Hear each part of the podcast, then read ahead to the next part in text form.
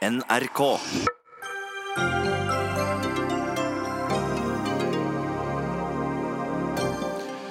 Lokalpolitikere i og rundt Oslo roper om maktmisbruk etter at regjeringen trosser fylkespolitikere og går inn for ny E18 ut av hovedstaden.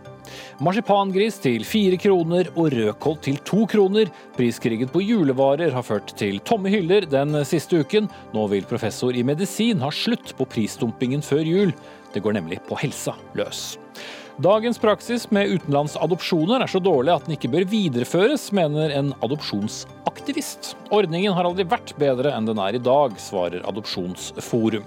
Og etter å ha blitt verdenskjendis, så får Finlands nye kvinnelige statsminister kjeft for å ha for mange kvinner i regjeringen sin.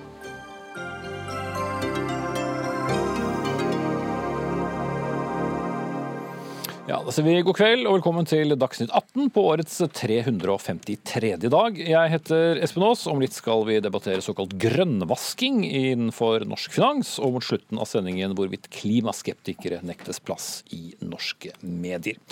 Men først om ja, om ikke veien, sannheten og livet, i hvert fall om, om veier og, og, sannhet. For den svært eh, omdiskuterte og ikke minst dyre utvidelsen av um, Europavei 18 sørøstover fra Oslo, den skal nå bygges, sier regjeringen. Strekningen, som kanskje ikke gir mening til så mange utenfor dette området, handler om den som skal gå mellom Lysaker og Ramstadsletta, for de som måtte være kjent. Et prosjekt til 16,3 milliarder kroner, der to tredeler skal betales med bompenger. Så hvorfor bryr vi oss om dette lokale prosjektet i Dagsnytt 18? Jo, for flertallet i det kommende storfylket Viken, med snart to millioner innbyggere, eller rundt to millioner innbyggere, og i hovedstaden har nemlig sagt nei til prosjektet. Men som Aftenposten kunne fortelle i går kveld, skjærer regjeringen gjennom og finansierer veien likevel. Og Kristoffer Robin Haug, du er fylkesråd fra Miljøpartiet De Grønne i uh, Viken fylkeskommune, som trer i kraft da fra neste år. Du har kalt det hele for maktmisbruk. Hvorfor det? Eh, vi mener jo at regjeringen her vil tvinge gjennom milliardinvesteringer til en monstermotorvei som vil skape mer trafikk, kø og kaos, stikk i strid med det politiske flertallet i både Viken og Oslo, og på tvers av det man ble enige om i Oslopakke 3-forhandlingene i 2016. Eh, og Vi mener også da at Dale bryter det løftet han ga i eh, oktober om å følge de demokratiske spillereglene og holde seg til den lokale enigheten. Men er staten som er ansvarlig for europaveier, så skal det ikke bare være ansvarlig for europaveier, da? Det her er jo spørsmål om hvordan man, hvordan man, forholder seg til de avtalene som ligger til grunn. Og vi mener at her er det Oslopakke 3 man har forhandlet om denne veien. Og så er vi jo kjent med at regjeringen har hatt andre ønsker og har da jobbet med et eget opplegg. Men vi ser at her ønsker vi å forholde oss til det man har hatt enighet om. Oslopakke 3-løsningen fra 2016. Og så må man heller da ta nye forslag i neste runde med forhandlinger i Oslopakke 3, som kommer allerede nå til våren. Og der er vi veldig åpne for dialog. Mm. Ja, Jon Georg Dale, samferdselsminister fra Fremskrittspartiet. Det har vært ganske klare signaler både fra hovedstaden og fra flertallet i Nye Viken om at de ikke vil ha dette, men da får de få det likevel? Det er absurde påstander. For eh, Akershus fylkeskommune har gjort vedtak om at de vil ha denne veien. Stortinget har gjort vedtak om at de vil ha denne veien. Og det er nødvendig å bygge både for å ivareta det behovet vi har for å ha flere felt til å kjøre bussene i, også kollektivtransport trenger veier. Det er nødvendig for å få bedra bumiljøet langs hele korridoren. Og det er nødvendig for å fortsette det arbeidet vi har gjort storstilt gjennom mange år når vi har laga tunneler gjennom Oslo, nemlig sørge for at gjennomgangstrafikken, norsk næringsliv, som kombineres mellom E6 og E18, faktisk finner en effektiv transportkorridor som gjør at vi får varer og gods fram til markedet. Men du er klar over at uh, dere har jo da valgt å slå sammen noen fylker, din regjering, og da forsvinner jo Akershus fylke, og nye Viken er det da et flertall uh, imot. Og det samme har vært uh, i Oslo, så du visste det ikke kom til å bli tatt ja. imot med åpne armer. Det, ja, det er helt rett. De har varsla i Viken at de vil prøve å torpedere dette helt nødvendige veiprosjektet. For å, ikke for å ikke bygge noe, men for å bygge et annet i den samme korridoren, som var dyrere som hadde større negative miljøkonsekvenser, som ville ha gitt mer hindringer for trafikken i anleggsperioder som kommer til å gå over en seks, sju, åtte år. Og Det viser jo at alternativet var fryktelig dårlig. Men vi har jo basert dette vedtaket på at Akershus ville hatt det, at Stortinget har plassert i Nasjonal transportplan, og ikke minst fordi at Oslo og Akershus fylkeskommune i årevis har krevd inn hittil i størrelsesorden 3 milliarder i bompenger for å være med å finansiere ditt prosjektet, og jeg har planlagt å kreve inn okay. ytterligere 2 milliarder de neste eh, ti åra for å bidra til denne prosjektfinansieringa. Så med denne gjengen har du fått mer bom, men ikke en eneste vei. Ok, Andreas eh, Halse, du er da medlem av samferdsels- og miljøutvalget i Oslo eh, bystyre. Din, din reaksjon? Det er, jo, det er jo ganske mange bilister som vil bli veldig glad for Det er ganske mange bilister som blir fattigere. Dette er jo en bompengeøkning som er dobbelt så stor som eh, den eh, bompengepakka kutter bompengene i hele landet. Bare dette ene tiltaket her. Den bompengesatsen på denne strekninga her er betydelig høyere enn det vi har gått inn for i eh, Oslo. Eh, Og det vi har framforhandla i Oslo. Men jeg, jeg, synes, jeg var jo den eneste her som faktisk var med og forhandla fram Oslopakke 3 eh, for fire år siden. Og var med, var med og lagde denne, denne avtalen. Den, Siden mesteparten av landet ikke bor i Oslo og ikke har et forhold til Oslopakke 3, vil du bare kort forklare hva det er? Ikke gå i detalj, vær så vennlig, men bare sånn at Ja. folk der hjemme forstår. Det er en samarbeidsavtale mellom eh, Oslo og Akershus om hvilke store infrastrukturprosjekter som skal bygges og hvordan de skal finansieres. Nemlig. Det er kort fortalt. Og så har staten vært med som tilrettelegger, eh, både gjennom Jernbanevesenet og Statens vegvesen. Eh, Det er historien. Eh, Så var det sånn at Vi var jo heftig uenige i de forhandlingene i eh, 2016. Det var jo flere runder her og mange steder i media og i valgkampen i 2015. Vi var flere partier som gikk til valg på at vi ikke ønsket å bygge den veien. Og vi fikk også gjennomslag for at vi ikke ville bygge det prosjektet som da var planlagt. Så at vi skulle bygge en annen løsning, som var to milliarder billigere enn den løsningen som, som da var planlagt. Eh, Så skjedde det etter at, eh, etter at vi ble enige om det, så bestemte eh, regjeringen seg for at det ser vi bort ifra. Vi går tilbake til den løsningen som var opprinnelig foreslått, og det fremmer man nå igjen. På tvers av de ønskene vi faktisk hadde. Og Det er, det er selvfølgelig problematisk for avtalen, eh, men det aller største problemet her er jo selvfølgelig at dette, er, en, dette er et opplegg som øker veitrafikken, gjør det vanskeligere å nå klimamålene våre. Det fører til økt utslipp, og så er det veldig dyrt. Det er 16 milliarder kroner som burde vært investert på en langt mer fornuftig måte i Oslo-området. Det er jeg helt grunnleggende uenig i, og det er jo nesten eh, fantastisk å høre Arbeiderpartiet som nå bekymrer seg for bompengesatsene. De har jo ennå ikke takka ja til tilbudet som jeg har gitt for å redusere Det er fordi du ikke har kommet med For- for- tilbudet ennå, Jon Georg Dale. Jo, men ikke, ikke, begynn på den delen, la oss holde oss Nei, men- til, til prinsippet her. Men det blir en bom der. Det skal jo finansieres. Ja, det, eh, det var forutsetning fra Stortinget hele veien. Det er gjort vedtak om det i Akershus, og det er gitt stilt garanti fra Akershus fylkeskommune om det. Og når du skal ta inn over 10 milliarder, så kommer det til å koste Ja, litt. Det kommer til sånn som beregningene er nå, hvis du har bombrikke til å koste ca. 24 kroner per passering. Og så håper jeg at vi skal få enda større gjennomslag. Hvis du har bompengebrikke. Hvis du er bompengebrikke. Mm. Så håper jeg at Fremskrittspartiet i åra framover, som vi har fått hittil, skal få enda større gjennomslag for å redusere bompengene, i kamp mot disse partiene som nå prøver å gjøre seg til varme talsmenn for å holde dem unna. Men det er jo det som er hele poenget. Det, det, du vil få mer bompenger med Arbeiderpartiet og MDG, men du vil ikke få en eneste meter ny vei, som vi også trenger for å få fram bussen. Men de har da, deres argument er jo da de vil ha ned trafikken, du vil øke trafikken. Nei, jeg vil sørge for at trafikken kommer fram, jeg vil sørge for at bussen kommer fram, og jeg vil sørge for at vi faktisk får til et av de største byutviklingsprosjektene vi skal ha til i Oslo-regionen, sånn at miljøbelastninga for de som i dag bor langs veien, går ned. Ok, og Vi skal til en av dem nå, nemlig deg, Leif Frode Onarheim. Du er da varaordfører i, i Asker kommune for eh, Høyre, og mm, har jo da ivret uh, veldig uh, for dette. Men så forsvinner da uh, Asker inn i, i Viken, og så Det syns jeg er mindre interessant om hva, hva Jo, men du får et annet flertall, og det er det som gjør det så komplisert. si. Men på en annen side så må de også se at dette er ikke for å få flere biler inn i Oslo. Tvert om, altså slik som dette er, så er det for det første så får man altså en egen busstrasé, så man slipper det som er i dag, at man må Ja, det hele tiden ikke komme komme ja. frem. Det er det ene. Og det andre, det er jo at uh, man tenker seg jo at dette skal ligge under, altså når det kommer så langsomt ut til oss, skal ligge i tunnel under, og man får frigjort store arealer rett ved jernbanestasjonen, som altså egner seg ypperlig for, for nybygg. Slik at det er ikke, det er liksom dette å si at det blir mange flere biler. Nei, vi vil ikke ha flere biler, vi er helt enig i det. Men altså, du har tre Men bedre veier gir jo gjerne mer trafikk. Det er mye studier som eh, Nei, de gjør altså det er ikke det som er, men altså de snakker om at det blir så mye mer Det er tre filer den ene veien, og det er to den andre veien i dag. Så blir det altså to, tre tre isteden. Det skaper bare at folk kommer ut av Oslo, så det burde du være veldig glad for, egentlig. da, Bare, bare bedre om ikke ja. understreker hva dere sier med å slå i bordet, for det går inn i mikrofonen og Ja. høyttaler der eh, hjemme. Men eh, bra med, bra med engasjement. Ja, eh, Haug fra, fra MDG har hatt fingeren oppe. Det er jo grundig dokumentert av forskning fra bl.a. Transportøkonomisk institutt at mer vei gir mer trafikk. Og Nå skal denne berømmelige Oslopakke 3 forhandles til våren.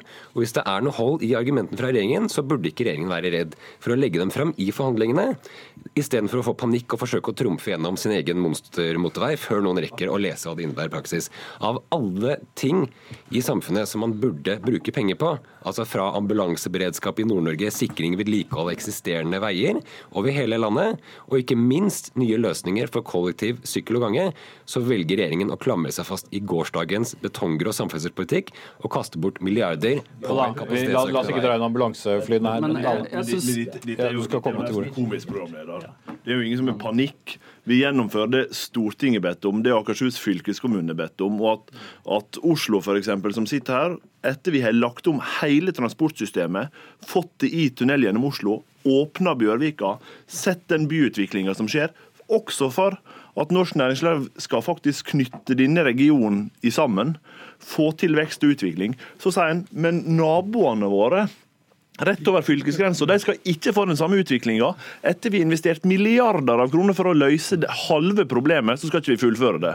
Og den, det, det er jo altså å og øh, Det er en helt meningsløs politikk som ikke vil føre landet framover. Det er ikke en lokal vei inn til Oslo vi snakker om. Vi snakker om en av de største ferdselsårene med mellom 80 og 90 000 biler hver dag. men det er deres velgere som bor der, da. Eh, Halse. Ja, men Sånn taler en talsmann for bilpolitikken fra 80-tallet. Eh, Det er ganske tydelig. Altså, det som kommer fram i proppen som, proposisjonen som han har lagt, fram, lagt fram i dag, står på side 7 f.eks. Nå sa han det selv. ikke sant? I dag er det mellom 80 og 90 000 biler i døgnet. 83 000 faktisk, for å være de, sjekka de siste tallene i dag. Her står det at i, med, denne, med denne pakka så kommer det i 2030 til å være 97 000 biler fordi vi har bompenger. Når bompengene forsvinner, så kommer veksten til å være betydelig mer, opp i 116 000 biler. Vi snakker altså om 40% økning i biltrafikken inn og ut av Oslo. Det er selvfølgelig stor betydning for, eh, for lokalmiljøet i Oslo og for vår mulighet til å redusere klimagassutslippene. Og så bare til litt sånne detaljer her. Når man snakker om dette er stort, prosjekt, stort prosjekt for, for byutviklinga. Ja, altså med dette, denne delen av E18-prosjektet så er det potensialet for å øke til 2000 boliger. Det er det samme som vi bygger i Oslo i løpet av et halvt år. Vi har en mengde infrastrukturprosjekter både i Oslo og i den gamle delen av Akershus som gir betydelig høyere okay. boligbyggings til en langt lavere sum og langt lavere belastning. Er det noe dere egentlig kan gjøre likevel? Eh, Regjeringen har jo bestemt seg.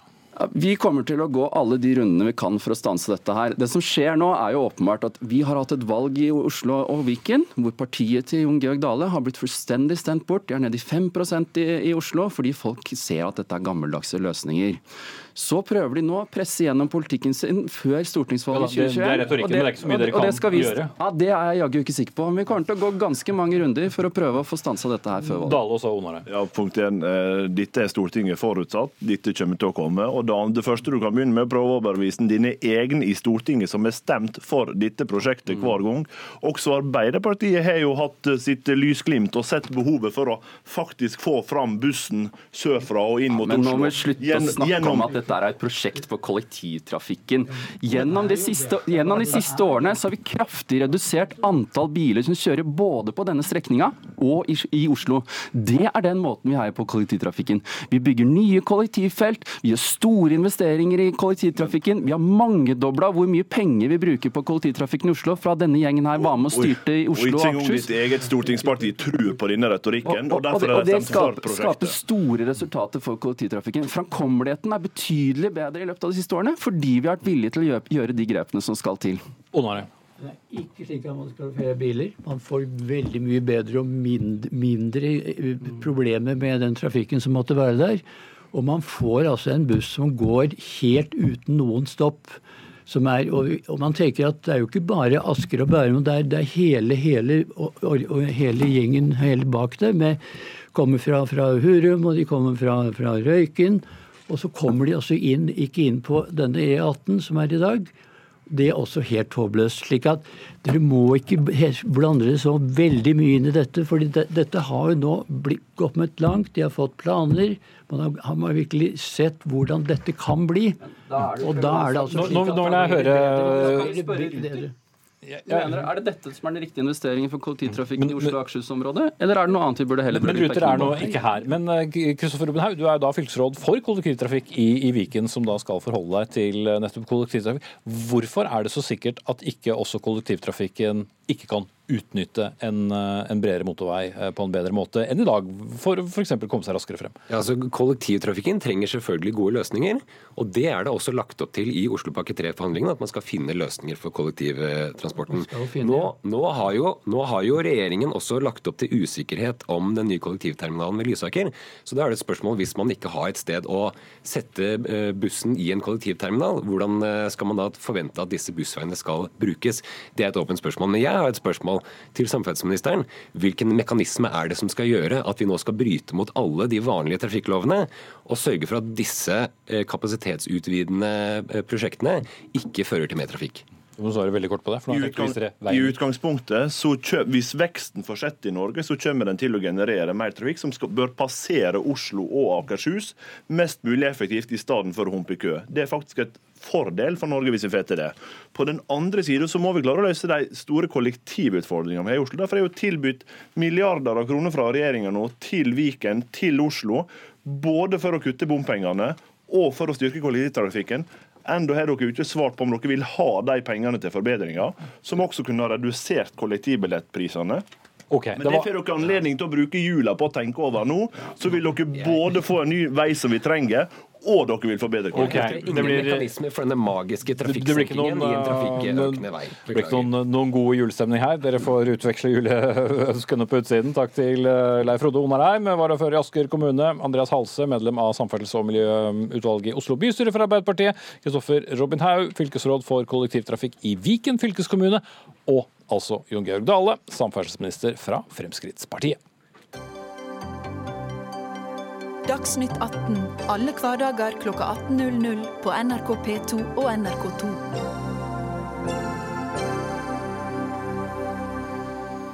Litt senere i sendingen skal vi diskutere om hvorvidt uh, norske medier nekter klimaskeptikere spalteplass, og om de så gjør det, har det egentlig noe å si hvis de er så få. Men nå skal vi for så vidt holde oss uh, ja, innom samme saksunivers, uh, for å se litt stort på det. Hvis du fikk valget, ville du helst investert i noe som var grønt, eller noe som var tradisjonelt? Storbanken, eller finanskonsernet heter det vel, DNB er blant flere som satser på nettopp bærekraft, og skal finansiere prosjekter innenfor fornybar energi og infrastruktur de neste årene med hele 450 milliarder. I tillegg tilbyr banken produkter som selges til investorer, hvor det, som, eh, hvor det som omtales som grønne boligobligasjoner inngår. Det er da lånepapirer med en pantesikkerhet i de 10% mest energieffektive boligene i Norge. Og Anja Bakken Riise, leder i Framtiden i våre hender. Grønne lånepapirer, det høres da flott ut, og noe som dere burde være glad for? Mm. Ja, altså Verden har et enormt behov for grønn finansiering, eh, så det støtter vi veldig. Men akkurat det her produktet, som DNB eh, og enkelte andre banker, Sparebank1, kaller for grønne boligobligasjoner, det er altså det verste eksempelet på grønnvasking som vi har sett i Norge. Hvorfor er det grønnvasking, og hva jo, er grønnvasking? Jo, altså det er når man tar et helt vanlig produkt, altså det her er et produkt med ordinære boliger eh, som de tar sikkerhet i. DNB DNB, Sparebank1. Eh, I går så kalte man det for eh, vanlige boligobligasjoner. I dag så har eh, DNB, Sparebanken, fått hjelp av konsulentene i Multiconsult og DNV GL. Og så har de henta fram et malingsspann med grønnmaling, og så har de malt på merkelappen grønn. Men innholdet er akkurat det samme som tidligere. Det er ordinære boliger. Og det er ingenting annet enn det. Det eneste som er så forskjellig med det, er at bankene tjener mer penger på det fordi at de får en lavere rente fordi at de kaller det for grønt. Det fører ikke til et ekstra gram spart CO2. Det fører ikke til én ekstra grønn arbeidsplass. Det er ren grønnvasking. Ja. Even Østeveld, grønnvaskeren her, kommunikasjonsdirektør fra DNB. Hva, hva er forskjellen på grønne boligobligasjoner og vanlige boligobligasjoner? Altså Forskjellen er jo at de grønne obligasjonene de er øremerka de aller mest energieffektive eh, boliglånene som vi har i vår portefølje. Og så er det riktig som Framtiden i våre hender sier, at dette er boliglån vi har gitt allerede. Og Det er sånn dette markedet fungerer for obligasjoner. Det kan du ikke utstede eh, og så etterpå gi noen lån til noen nye boliger. Du må ha eh, noen boliglån som du har gitt ut. Eh, I dette tilfellet de 10% da, aller mest energieffektive boligene. Og så kan vi snu oss til investorene og si at eh, dette, dette er en obligasjon som består av de aller mest energieffektive boligene. Mm. Så har hun helt rett, da? Vi har eh, Nei, fordi at eh, hvis du skal grønnvaske noe, så må du jo presentere noe for noe annet enn det det er. Eh, og det er jo ikke det som har skjedd her. Investorene er fullt klar over at dette er helt ordinære boliger som bygges etter norske forskrifter. Men det er de mest energieffektive boligene. Og det er et kjøpt, ja, men Da kunne du solgt det som vanlige boligobligasjoner? Det er jo ikke noe forskjell da på grønne boligobligasjoner og ordinære boligobligasjoner, eller? Det, Husene er jo det samme. Husene er de samme, og det er ikke vi som bestemmer byggeforskriften i Norge. Heldigvis. Men for å bygge hus, så må du ha boliglån. Eh, og det at vi kan snu oss rundt og hente denne grønne, grønne kapitalen, det gjør at vi kan vokse og uh, gi ut boliglån til nye boliger som bygges. Og De nye boligene som bygges i Norge, de er heldigvis energieffektive. Ja, og da For å tolke det helt riktig, så grønne boligobligasjoner er egentlig et instrument som DNB, DNB bruker for å hente inn mer kapital, ikke til å uh, gjøre noe for klima. Bare sånn at vi vet hva det er. Det er et instrument vi bruker fordi det er et internasjonalt regelverk som sier at eh, grønne obligasjoner det eh, kan du utstede hvis du har energieffektive eh, assets, som det heter, altså aktiva. Og så har investorene der ute de har et ønske om å kjøpe denne type obligasjoner. Og Da må vi være med da, og utvikle det markedet som er helt i startfasen nå. Og det ønsker DNB å være i førersetet på, og derfor så gjør vi dette. Mm. Spørsmålet her er jo hva som er grønt. Og her har dere ved hjelp av Multiconsult eh, fått en definisjon på grønt som er helt bak mål. Altså Når vi snakker om grønnhet, så er det jo noe som skal være Det skal være løsninger, det skal være fornybar energi, det skal være det som tar oss over i det grønne skiftet. Det det her gjør, det gjør absolutt ingenting. Det tar oss ikke ett steg nærmere det grønne skiftet. Det gjør, altså det gjør at dere får finansiering til å bygge helt ordinære boliger som følger norsk lovverk. Norsk lovverk, verken mer eller mindre. Hva er det som er spesielt grønt med det? Var det feil i det Risse sa? Ja, det er på en måte feil, fordi dette er et marked som er på en måte i barnehagen. Eh, og Hvis vi skal være med å utvikle det markedet, så må vi Det er helt greit å kritisere snøballen for å være liten, men noen må sette i gang den snøballen. Noen må være med å utstede de første obligasjonene. Og Det ønsker DNB eh, å være med på. Og Isolert sett så er det altså disse boligene 50% mer energieffektive enn gjennomsnittet av norske boliger. Jo, det er greit, men de, de følger da boligforskrifter, som du også poengterte, som ikke DNB har noe med. Men eh, du sier at de vi har, vi, men de har noen, noen for å bygges. Ja, og, og, og, dere har noen boligobligasjoner som bare heter boligobligasjoner, og de har noen som heter grønne boligobligasjoner. Som er øremerket de boligene som er aller mest energieffektive. Og så kan jeg godt være enig med fremtiden i våre hender, at vi er utålmodige etter at de, reglene for hva som skal kalles grønt, må bli strengere. Og det kommer jo når EU, som dere også vet, kommer med sin taksonomi, som det heter. Da vil disse reglene bli like, helt like i hele Europa. Men vi bruker det regelverket vi har i dag, eh, og er med å utvikle det markedet. Og det mener vi er bra for klimaet isolert sett. Ok, Før du får slippe til igjen, Anna Bakken Riise. Stig Jarstein, eh, du er seniorrådgiver eh, i Multiconsult eh, og energirådgiver der. og Dere har allerede nevnt opp det flere ganger av Framtiden våre hender. Dere har altså utviklet denne metoden som gjør det mulig å identifisere de mest energieffektive boligene. Og I Aftenposten så har du skrevet sammen med kollega Birgitte Ramm at grønne boligobligasjoner ikke reduserer klimagassutslipp direkte. og Det er dere for så vidt enige om alle tre også. Så hva er da formålet med å klassifisere obligasjonene som grønne? Du vil jo her, altså De som investerer i eh, boligobligasjoner, er jo ikke hvermannsen eller eh, det her er en spesiell eh, type investorer. og Det å få flytta denne typen investorer også i retning av mer energieffektive eller klimavennlige løsninger, har en verdi.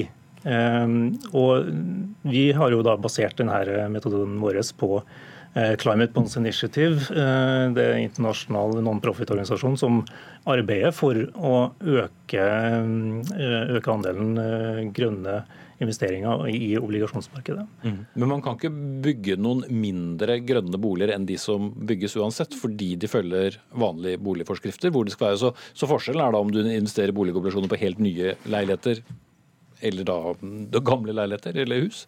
Ja, men ikke bare det. Det går også an å knytte det opp mot energieffisering. Eh, den samme Climate Bonds Initiative har også et, eh, et eget kriterium som går på effektivisering. 30 mm. effektivisering, og det er jo der kanskje du får de store eh, gevinstene klimamessig, hvis du får flytta, eh, flytta den eh, gamle bygningsmassen. Til det siste der, da, det kunne jo i hvert fall indikere at det ville redusere utslippene. Men altså det som er interessant her, er jo at Multiconsult har skulle være med å definere hva definisjonen av grønne boligobligasjoner skal være i Norge. Og så har de tatt et gigantisk stort utvalg. De har sett på alle boliger i Norge, og så har de sett på hva som er topp 15% mest energieffektivt av det. Fordi at det er det Climate Bonds Initiative, i, eh, som er det internasjonale initiativet, sier. De sier topp 15 men så må det um, defineres lokalt. Hva betyr faktisk det? Så har man da tatt et utvalg på alle boligene, sett på topp 15% av det. Og Det betyr jo egentlig bare å bygge eh, etter byggteknisk forskrift som har kommet på plass de siste årene. Så Sparebank1 de valgte da ved definisjonen på eh, byggteknisk forskrift fra 2007, som i praksis betyr at alle boliger bygd etter 2009 faller inn under definisjonen grønn. Så har DNB valgt en bitte lite grann strengere eh, definisjon, men det er, fortsatt, altså, det er fortsatt bare helt ordinære boliger. Og Det er jo interessant da at DNB, når dere skal utstede lån, det dere kaller for grønne boliglån, til deres egne kunder, så sier dere jo at det ikke er nok å bare oppfylle de lovmessige kravene. Dere krever energimerking A og B, mens i de standardene dere setter til dere sjøl, når dere skal få såkalt grønne lån, så setter dere mye svakere krav, nemlig energi, eller det som tilsvarer energimerking eh, hovedsakelig C, og så noe energimerking B. Ja, Altså hvor energieffektive boligene er. Ja, Westerveld, var det mye du skulle få svar på?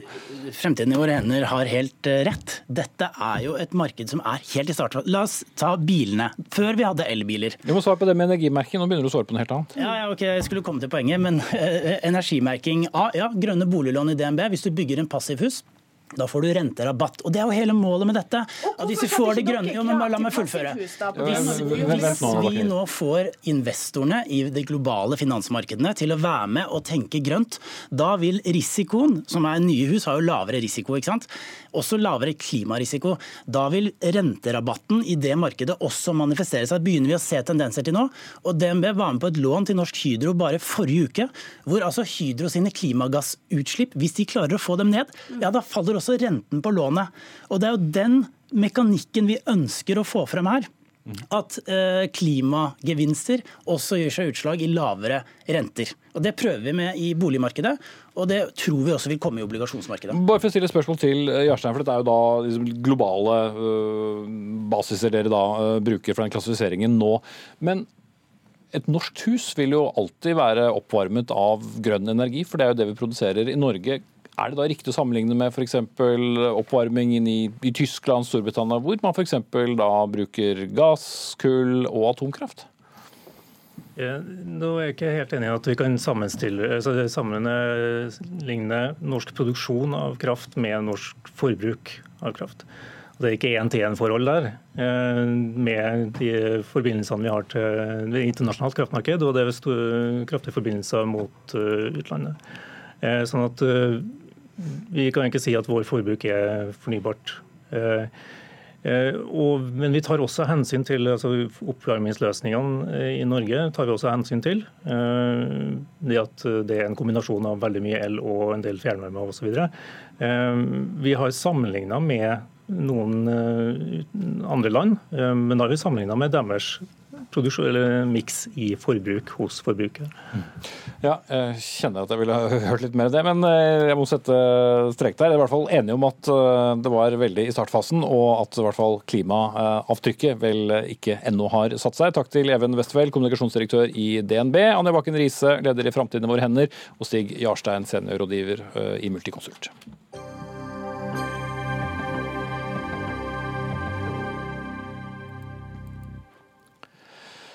Marsipangris til um, fire kroner, julebrus til seks kroner. Ja, Det er i hvert fall noen av prisene som har vært uh, å finne på julevarer i butikkene de siste ukene. Ikke alle har vært like begeistret uh, for um, denne mm, kjøpefesten. Priskrigen fører til at folk kjøper for mye, spiser for mye og kaster mer mat enn nødvendig, lyder kritikken fra flere hold. Og uh, Gøran Hjelmeset, leder i uh, Nasjonalt råd for uh, ernæring, også leder for Senter for sykkel og overvekt ved sykehuset i Vestfold. Du er bekymret for at denne priskrigen på mat påvirker barn og unge. Hvordan da? Jeg er spesielt bekymra for det. fordi det er klart at Jo mer og jo billigere, jo mer spises, og jo mer går vekta opp. Og når barn og unge går opp i vekt, som vi ser i hele verden i dag, så øker det risikoen for alvorlige fedmerelaterte følgesykdommer og for tidlig død. Men her er det jo noen familier som kanskje ikke kunne hatt råd til å kose seg så mye, som nå får råd til å kose seg mye fordi det er jul. Har det så mye å si? Ja, det er nettopp de som burde spares for dette her. Fordi eh, folk som har eh, dårlig råd, og folk som har lavere utdanning, det er nettopp de som har minst godt av denne type tilbud. De burde heller få slippe dette her, og man burde heller sette opp prisen for å spare de for dette. Mm. Da får vi høre med de som eh, setter prisen. da. Kristine Kåk og Arvin, du eh, representerer Kiwi. Hvorfor eh, skal dere prakke på så mye usunn mat på oss før jul? Nå er det beinhard konkurranse mellom dagligvarekjedene. I år har det vært ekstremt tøft. Det ser vi på tallene fra SSB som kom tidligere denne måneden. Matvareprisen er ned 0,8% den siste tolvmånedersperioden. Så det er beinhard konkurranse mellom kjedene. det skjønner jeg, men hvorfor da disse usunne varene som brus og, og sukkervarer som marsipangris? Nei, Det er ikke bare disse varene som er satt ned nå til jul i år. Det er faktisk flere hundre varer eh, som har vært satt ned i pris nå til jul. Men disse er jo kjempebillige, da. Ja, og det er det også mange andre varer som er nå til jul. Men det er jo disse som har fått litt ekstra oppmerksomhet, da. Mm. Vi, men dere har ikke noe ansvar for det? Vi har ansvar, absolutt. Eh, men vi i Kiwi vi har jo sagt at vi skal være billigst på alle varer hver eneste dag hele året. Og det gjelder både fisk og frukt og grønt, som er våre viktigste varegrupper. Men det gjelder selvfølgelig også pepperkaker og marsipan. Mm. Eh, og da kan dere ikke f.eks. i stedet sette ned prisen på grønnsaker og frukt i stedet for å gjøre enda mer? I stedet for å gjøre det på lokkevarer som uh, marsipangris og, og brus og ribbe og alt sammen?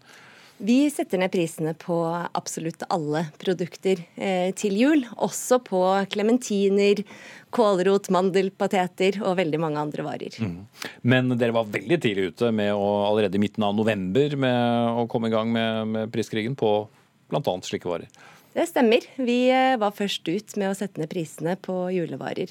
Og det har vi fått veldig mye positive tilbakemeldinger på. For det er som du sier, det er eh, en eh, dyr tid nå før jul, og det er mange mennesker i Norge, spesielt de med presset økonomi, som er glad for at julematen blir billigere. Mm. Men det burde ikke være Hjelmseth? Nei, det er veldig mye forskning som viser at eh, prisøkning på usunn mat og prisreduksjon på sunn mat, altså det motsatte av det vi her opplever, det er det som skal til for å hjelpe folk som eh, sliter med fremtidig overvekt, fedme og hjerte-karsykdom. Så hvis man øker istedenfor prisen på f.eks. tung brus med 20-30% så reduserer du kanskje risikoen for fremtidig sykdom med det samme. Og folk kjøper fra dag én, akkurat som marsipan til fire kroner, så kjøper de bøttevis med marsipan. Og hvis da f.eks. tungbrusen dobles i pris, så kjøper de ikke noe. Hva, hva, er tungbrus, altså den som har sukker og ikke Tungbrus, ja, det er en populær betegnelse på sukkerrik brus, som er enda uh, usunnere enn marsipan, som tross alt inneholder litt mandler, og det er jo veldig bra for helsa. Så er det masse kalorier. Så kjøper du tre av disse marsipangrisene, så får du jo nesten 1000 kilokalorier. Og her har jo folk kjøpt i bøtter og spann. Mm. Ja, for det er jo det er utsolgt. Jeg har ikke sett en eneste marsipangris. Så du prøvde vel også å finne noen, gjorde du ikke det? Ja, jeg har lett med lys og lykte, og jeg lykkes til slutt. Så jeg fikk tre stykker, da. Og de smaker jo aldeles nydelig. Og det er det som er problemet med disse marsipangrisene, at de er så gode at folk spiser mer, og da blir helsa dårligere. For det er jo også en effekt når noe er så billig, og du ser at det er noe igjen, så kjøper du litt opp, så har du til eh, hele julen, og du spiser mye mer enn om den samme marsipangrisen hadde kostet fem ganger så mye. Nå er det jo sånn at de fleste butikkene våre innførte begrensning på maks eh, tre av eh, disse marsipangrisene fordi de handler, ble så billig. Ja. Det stemmer. Men når det gjelder det som Hjelmeset sier om, eh, om, brus, eh, for brus er jo en stor kilde til sukker i befolkningen. Og der har jo Kiwi som første kjede differensiert prisene på sukkerholdig og sukkerfri brus. Julebrusen sukker... koster seks kroner? Ja, men den sukkerfrie julebrusen er da billigere enn den sukkerholdige. Og vi så at eh, da vi gjorde det priskuttet på sukkerfri brus, så klarte vi å, øke andelen sukkerfri brus i Kiwi fra 54 til 60 64% på kort tid. Mhm. Så må jeg også si... Hadde du satt ned prisen enda mer, så er jeg sikker på at du har kunnet slutte å selge tungbrus og ja. bare selge lettbrus. Det er en start, i hvert fall. Eh, men så må jeg også si at vi har jo brukt elleve måneder av dette året på å snakke om eh, fisk og frukt og grønt. Og vi har eh, dette året over 24% vekst i salg av, av fersk fisk i, i Kiwi. Og nå er vi rett før jul, og da er det en tid for litt pepperkaker og marsipan. Og vi mm. Så skal du fete opp alle de som du angivelig har slanket gjennom året, da? Nei, men vi tenker at det er jo også en tradisjon for å ha pepperkaker på juleavslutning og, og ha marsipangris til den som finner mandelen, og det må folk få lov til å kose seg med med god samvittighet. Mm. Men hvis man da hadde kjøpt all denne billige fisken og frukt og grønten som, eh, som Arvid snakker om her, og så bare koser seg i julen, er det ikke greit da? Ja, Både ja og nei. Det er klart det er lov å kose seg. Eh, men jeg er litt skuffet over Kiwi, for Kiwi har vært litt min helt. Fordi de har ligget foran hele tiden på dette du sier, med fisk, med frukt og grønt, og dere har gått foran. Og så at dere tør å liksom risikere deres gode omdømme på å gå i den fella igjen for n-te gang og sette ned prisen på sukkervarer. Det er ikke lurt. Det er slik at uh, mye sukker og fett i jula det er hovedårsaken til vektøkningen i hele verden i dag. Fleste, eh, gjennomsnittlig så går man opp én kilo i løpet av julehøytiden i verden i dag. Og de som har høyest vekt, de går opp mest. Eh, og da bidrar slike ting som dette her til å øke dette problemet ytterligere. Så det er en myte at det ikke har noe betydning om man går opp i vekt i jula. Mm, Arvid. Altså, vi, eh, først og fremst, vi forstår jo at det er delte meninger om denne priskrigen. Og vi lytter til argumentene til, eh, til Hjelmeset, eh, absolutt. Og, men jeg må jo si at vi har jo forpliktet oss til å redusere sukkersalget i Kiwi, og vi er på veldig god vei. Målet er jo 10% reduksjon fra 2016 til 2020. Og per andre, nei, første halvår i år så har vi redusert salget av sukker med 8,6 i Kiwi. Så Men siden du driver butikk, så er vel overordnede mål å selge mest mulig?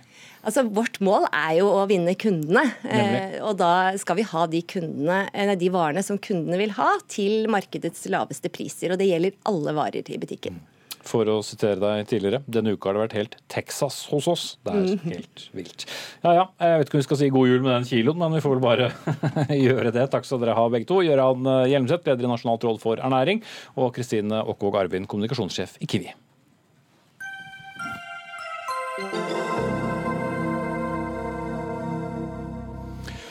Da skal vi snakke om um, adopsjon her i Dagsnytt 18. For um, ordningen med utenlandsadopsjoner den bør uh, stanses. Det mener organisasjonen Utad Critical, som er en uh, forening uh, stiftet av utenlandsadopterte her i Norge.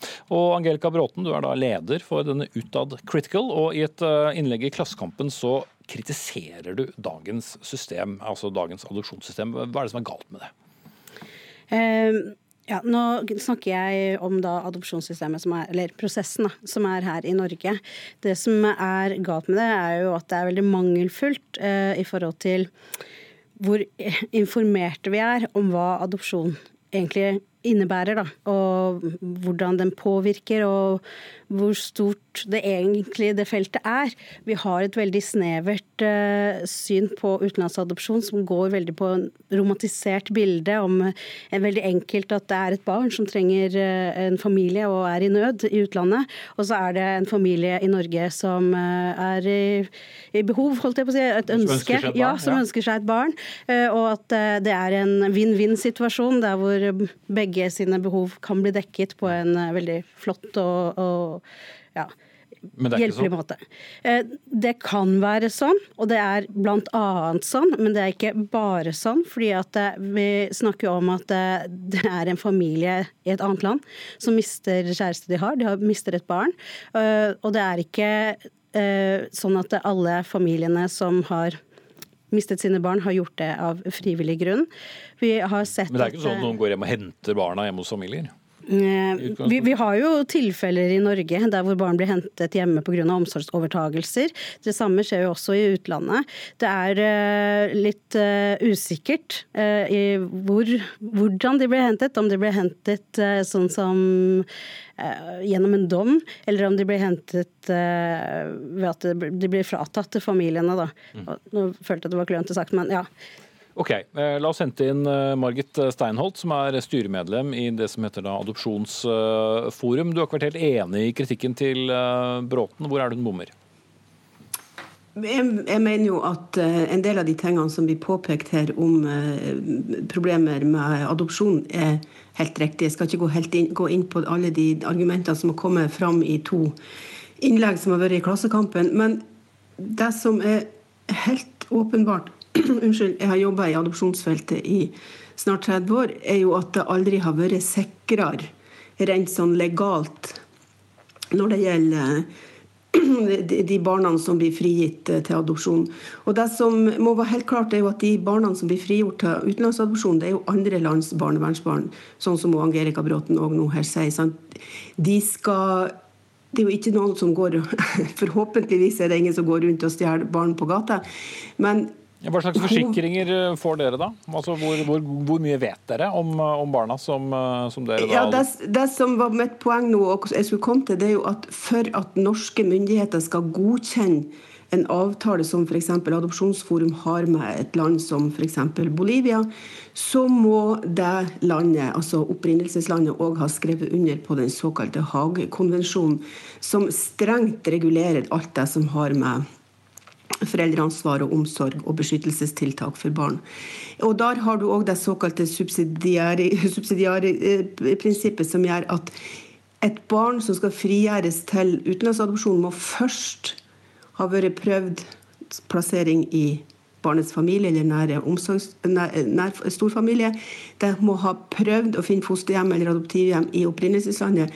Hvis det ikke har lyktes, da først skal barnet kunne frigjøres til utenlandsadopsjon. Og det er jo opprinnelseslandet som da gjør det vedtaket om en frigjøring til utenlandsadopsjon. Men da stoler dere på at den jobben er gjort? Den, den, vi, vi forholder oss jo til land som har relativt gode systemer. Det er jo, liksom, det er jo land som ja, nei, men altså, Vi må jo gå ut ifra altså, det store land som Colombia, det var Kina osv. Det er jo land som har gode eh, eh, system, og som norske myndigheter har godkjent. Og de har, som sagt, de har ratifisert den såkalte Haagkonvensjonen. Norge har ikke siden 1996 for, hatt adopsjoner fra land som ikke har ratifisert Haag-konvensjonen. Eh, Det som jeg, synes, jeg vil også bare påpeke, det er jo at de, ja, ja, de, de ungene som kommer til utenlandsadopsjon, er jo ofte unger som i anførselstegn ingen vil ha. altså Det var det er store barn, det kan være barn med helseproblemer eller andre årsaker til at det er, van, de er vanskelig å finne familier til i opprinnelseslandet. Ja, Bråten.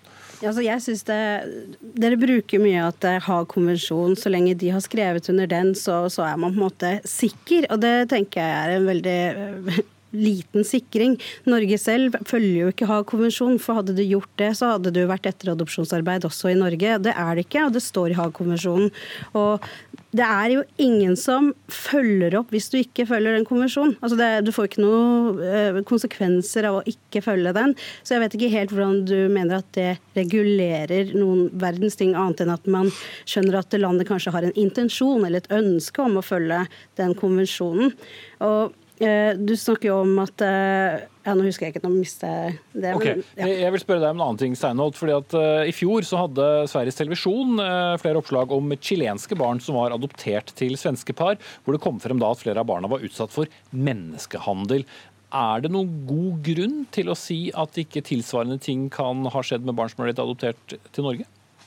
Det er klart at Man kan ikke utelukke at det har skjedd. Men jeg har prøvd å følge opp akkurat den chilenske saken i dag, og jeg kan ikke finne at, at man har kommet noe, noe videre på det. Men vi vet jo at f.eks. under Franco-tida i Spania, så var det jo et stort det der var jo et stort problem. Men de ungene ble adoptert innad i landet, og det har òg skjedd i Argentina under militærdiktatur og sånne ting. Det er klart at Ingen adopsjonsforening i Norge kan garantere at det ikke kan ramme noen skjelett ut av skapet, men det som jeg etterlyser hos Bråten og andre kritikere til, til internasjonal adopsjon, er hva er det som er alternativet? Er alternativet helt å slutte? Uh, det var med, de spørsmålene jeg hadde på, på, listen min til deg, eh, Bråten, så du kan svare på det. Altså, det er jo Det jeg lurer på, da, er jo at ofte så er ordlyden veldig sånn at det, det, er ikke noen andre alternativer i det landet man er i. Og jeg tenker jo at det er veldig rart med et land som Norge som bare har fem millioner innbyggere, så er det her man finner det aller beste alternativet som er, og at det er absolutt null muligheter for å finne noen foreldre i land som har ganske mange flere millioner innbyggere enn her. Og uh, ofte så får jo jeg som adoptert beskjed om at uh, ja, hadde du ikke kommet hit, så hadde du mest sannsynlig havnet på gata. Og min uh, familie i Colombia, de har ikke økonomiske problemer. Min familie i Colombia de ble lurt til å gi fra seg meg til adopsjon. Og Nå hører jeg at du sier at det kan hende det forekommer at det kanskje kommer noen skjeletter ut av skapet. Det er en annen ordlyd enn jeg har hørt fra Adopsjonsforum før. som har vært, eh, Tidligere så har dere vært mye mer bastante på at det forekommer ikke i Norge pga. det du sier om at eh, ting er så regulert. Og, men, men, bare til det spørsmålet som Steinholt egentlig stilte deg, og som mm. jeg har tenkt å stille deg. Og, altså, det, uh, burde det i utgangspunktet da ikke være adopsjon, eller? Man burde forstå konseptet rundt adopsjon det som er at Når jeg kommer fra en familie som faktisk hadde hatt råd til å ha meg, men allikevel har blitt valgt å komme hit til Norge, og at en eller annen domstol har bestemt at jeg ikke skulle være i min familie, så bunner det på at eh, de har en formening om at her i Norge så er det en eller annen bedre oppvekst, en bedre mulighet enn du kan få i Colombia. Og hvorfor man tror det, tror jeg, er fordi at man omtaler våre opprinnelsesland som land som er u-land, som ikke har midler, som ikke kan bedre, som på en måte ikke uh, Og det er du åpenbart uh, uenig i? Jeg er åpenbart uenig i det, og jeg ser jo også ut ifra mine kusiner og fettere som er oppdratt hos hun som jeg kunne blitt oppdratt hos, altså min tante, at uh, de har utdannelse, de har penger. så det, det, ligger noe til grunn, og jeg tror at det ligger i det strukturelle. Mm. Ok, Jeg må, må stoppe ja. der begge der, faktisk. Jeg bare si også at antall adopsjoner har også gått kraftig ned i Norge de siste årene. Toppåret var i 2002. Da var det 785 utenlandsadopsjoner. I 2015 hadde det gått ned til 132. Takk til Angelica Bråten, leder i Utad Critical, og med oss også på linje Margit Steinholt, som er styremedlem i Adopsjonsforumet. Hør Dagsnytt 18 når du vil. Radio NRK Radio.nrk.no.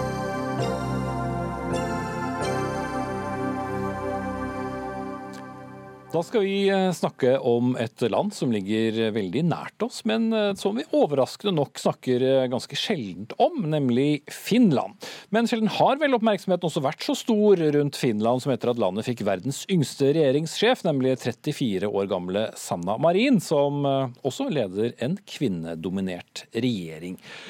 Men utenriksmedarbeider Morten Jentoft, nå får faktisk den samme Sanna Marin kjeft for å ha for mange kvinner i denne så mye omtalte regjeringen? Ja, det finnes jo i, i, Finland som i Norge da, en, en såkalt 40 %-regel om likestilling, der man altså tilstreber det har jo vært først og fremst å få kvinner inn i styre og stell, 40% kvinner i styre og stell. Men denne regelen skal jo da formelt også da gjelde motsatt vei. Og denne gangen så har man altså fått en regjering med 63% kvinner, og det har jo fått da noen til å reagere på det. Men nå eh, har en, eh, en, professor da ved, ved, ved, Universitetet i Helsingfors, han, Anna Maria Holli, sagt at dette er ikke noe brudd på likestillingsregler, fordi det, det gjelder egentlig ikke for regjeringen regjeringen disse tingene her. Og man må også se disse tingene over en lengre periode. Eh, eh, tidligere regjeringer så har det jo vært både kraftig mannsflertall, men det er ikke første gang det er kvinner i flertall i regjeringen heller i Finland. Sånn. Men eh, selvfølgelig, som du sier, dette har jo vakt oppsikt over hele verden denne kvinnedominerte regjeringen i Finland, men først og fremst så har det jo vakt oppsikt at det er unge kvinner da, som, som nå leder vårt østlige naboland. Mm. Ja, og Det gikk jo ikke så lang tid før uh, det haglet noen mindre fine kommentarer også, som sikkert mange har uh, fått med seg. Hvordan bakgrunnen da til disse ble gjort, bl.a. av Estlands innenriksminister, som snakket om ja, ganske nedsettende vil mange si, hvordan en kassadame har klart til å bli statsminister, og gateaktivister har sluttet seg til regjeringen. Ja, disse uttalelsene fra den kontroversielle innenriksministeren i Estland, Mart Helme, de har jo vakt oppsikt. Men Sanna Marin var jo raskt ute selv da på Twitter og skrev det at hun er stolt over at med hennes bakgrunn, selv en kassadame kan nå altså helt til topps i Finland. Og etterpå så har jo også til og med Estlands president måttet beklage på vegne av det estiske folk denne uttalelsen til Mart Helme. Han har jo selv også sagt at han føler føler seg misforstått i denne saken. Eh, men det skapte jo et rabalder uten like mellom de to broderfolkene Ester og Finner dette. Avslutningsvis, eh, Morten Jentoft, eh, la oss snakke om det som er viktig. og Det er jo faktisk ikke hvor man har jobbet før og hva slags kjønn man har, men rett og slett politikk. Og hun og regjeringen har jo da havnet litt opp i, i trøbbel nå mot en nemlig brennbar sak som vi også snakker om her hjemme, nemlig det å hente hjem eventuelt kvinner og barn tilknyttet terrornettverket IS fra, fra Syria. Dette har vært en stor sak i Finland i, i hele høst. Eh, har toppet seg nå eh, de siste ukene. Eh, det er jo over 30 barn, 11 kvinner eh, med finsk bakgrunn som sitter i denne Al-Hol-leiren. Og eh, mange i Finland, som i Norge, mener at man er nødt særlig å få disse barna hjem, og om så da sammen med deres mødre, hvis ikke disse mødrene vil slippe barna. At dette er en, en, en sak som, som, handler om menneskeverd. Og Dette ble en ganske opphetet debatt i den finske riksdagen tidligere denne uken, som Sanna Marin sto rett opp i også. Hun sa at hun var flau over at det finske Høyre eh, her eh, sto på samme linje som de populistiske Sandfinnene og, eh, og nekta da å ta hjem disse barna og kvinnene fra Al-Hol-leiren. Og Dette har det selvfølgelig også blitt bråk om. Mm. Vi får følge med. I hvert fall hørt mer om finsk politikk de siste ukene enn vi har hørt på lenge si. Takk skal du ha, Morten Jentoft.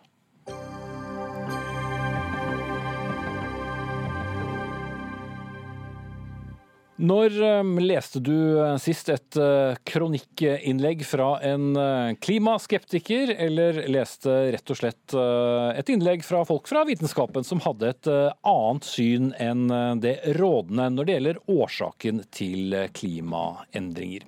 Vel, norske medier gjør en stor feil når de blokkerer klimaskeptikere fra spaltene. Ja, det har du skrevet, forfatter, biolog og journalist Erik Tunstad, i en kronikk politikk og havnet i en uh, aldri så liten heftig debatt uh, med Bergens Tidende.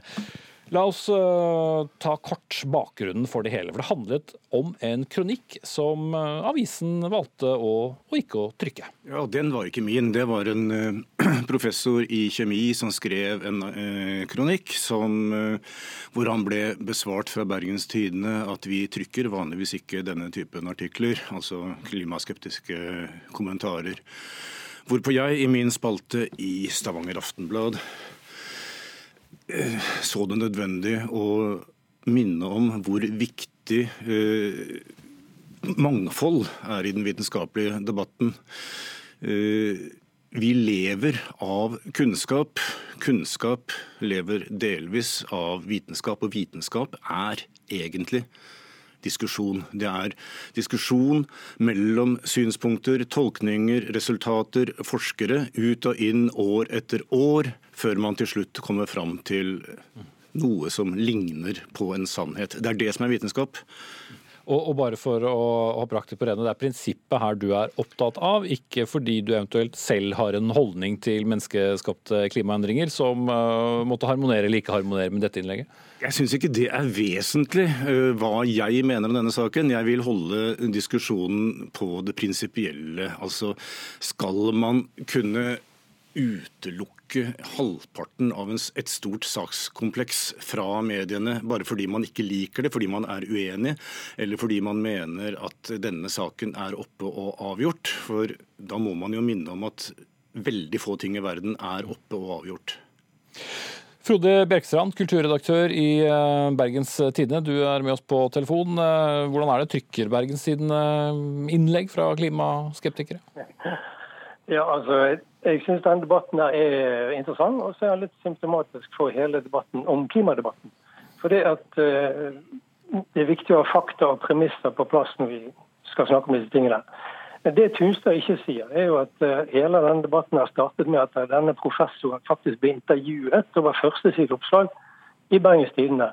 Der han fikk uttale seg om at nordmenn generelt er ganske skeptiske til klimavitenskap. Så denne professoren fikk i tillegg på trykk og publisert et debattinnlegg før vi da sa nei til en kronikk der han ønsket å gjenta mye av det samme som han har sagt tidligere. Mm. Så akkurat sånne ting er greit å ha i bakhodet når vi diskuterer utgangspunkt for, for denne saken her. da. Men fikk han ikke også til svar vi trykker som hovedregel ikke såkalte klimaskeptiske innlegg i BT, da? Vi trykker ikke på autopilot eh, innlegg for det vi i dag kaller klimaskeptikere. Og Det er fordi at veldig mange av de lar seg rett og slett ikke verifisere. De er noen ganger basert på konspirasjonsteorier, de er ikke-vitenskapelige og veldig vanskelig å kontrollere, rett og slett. Så det er noe vi jobber med daglig, for vi får veldig mange innlegg av denne typen. Men det er ikke noe prinsipp om å ikke publisere dem? Nei, langt ifra. Mm, Tunstad. Ja vel. Eh, det var en av de få gangene en redaksjon har gitt skriftlig tilbake, en skriftlig tilbakemelding om at vi trykker vanligvis ikke denne typen ting. Vanligvis skjer det muntlig, og det har skjedd tidligere. Jeg tror nesten alle norske avisredaksjoner og medieredaksjoner har en policy på å ikke slippe til eh, Du tror? Jeg tror, den beste testen på dette ville være å spørre de som er eh, på klimaskeptikersiden, spørre, spør dem om du, er det lett å komme til i mediene, så vil du få et ganske unisont nei til svar. Jeg har vært i avisbransjen i 40 år, og jeg kjenner den litt, og jeg kjenner også til hvilke tendenser eh, som eh, regjerer der, og jeg vet fra min egen tid som redaktør av forskning.no at klimaskeptisk materiale det er ikke noe man helst trykker. Mm. Men la oss ta inn Bjerkstrand, da, som representerer en stor avis som BT. For å svare på akkurat det.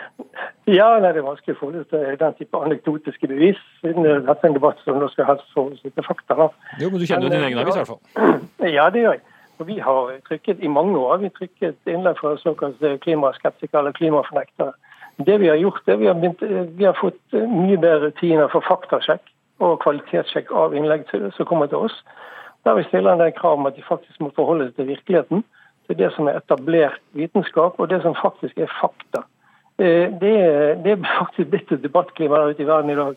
Der folk kan nesten konstruere sine egne fakta og kreve å komme til i debatter med sånn type argumentasjon. Dette syns... Det er, det er, noe vi må forholde oss til. Og så er en annen ting ja, nei, La oss ha det først. da. Jeg bare stille spørsmål til, til Tunstad. Det, det, er jo et rimelig krav, krav da, til, til fakta?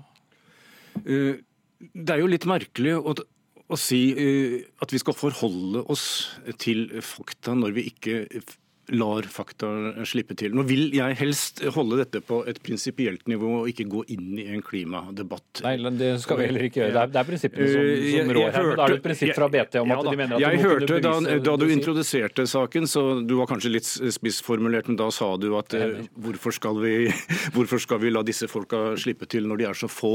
Og jeg tipper, uten at jeg vet det, at eh, BT slapp til denne Sletten, professor i kjemi i Bergen, som en kommentar til Hugo-undersøkelsen som ble publisert for en måned eller to siden, som viste at faktisk det er ikke veldig få klimaskeptikere i Norge. De utgjør 35% av den norske befolkning, så det er ikke snakk om en liten minoritet som man godt kan feie under, under teppet her. Ja, det var jo mine ord da, for å spise det. Ja. Men, du skal snart få slippe til Bjerkstrand. Siden dette er en ryddig og grei debatt, så tenker jeg skal korrigere deg litt Tunstad. Tydelig at du ikke leser Bergens Tidende, tror jeg. Jeg vet ikke om du er abonnent eller ikke. Men eh, saken med Sletten var basert på at vi hadde vår egen undersøkelse. Der vi fant ut, eh, Undersøkelsen viste at 22% av den norske befolkning eh, er såkalt klimaskeptisk. Eh, så det er viktig å ha i bakgrunnen. Men det som er journalistiske problemer og utfordringen, som har vært i mange år, det er at eh, det i mange tilfeller er frykt for å skape en falsk balanse når vi snakker om klima og global oppvarming. Og Da må jeg rykke inn og, og forklare at falsk balanse handler da om at eh, et mindre syn får like stor plass som et stort syn. Og Hvorfor jeg rykker inn og sier det, er for at eh, klokken har nå nådd 18.59, som er der Dagsnytt 18 slutter. Ansvarlig for eh, sendingen var Anne Katrine Førli, teknisk ansvarlig Hanne Lunås, og jeg heter Espen Aas.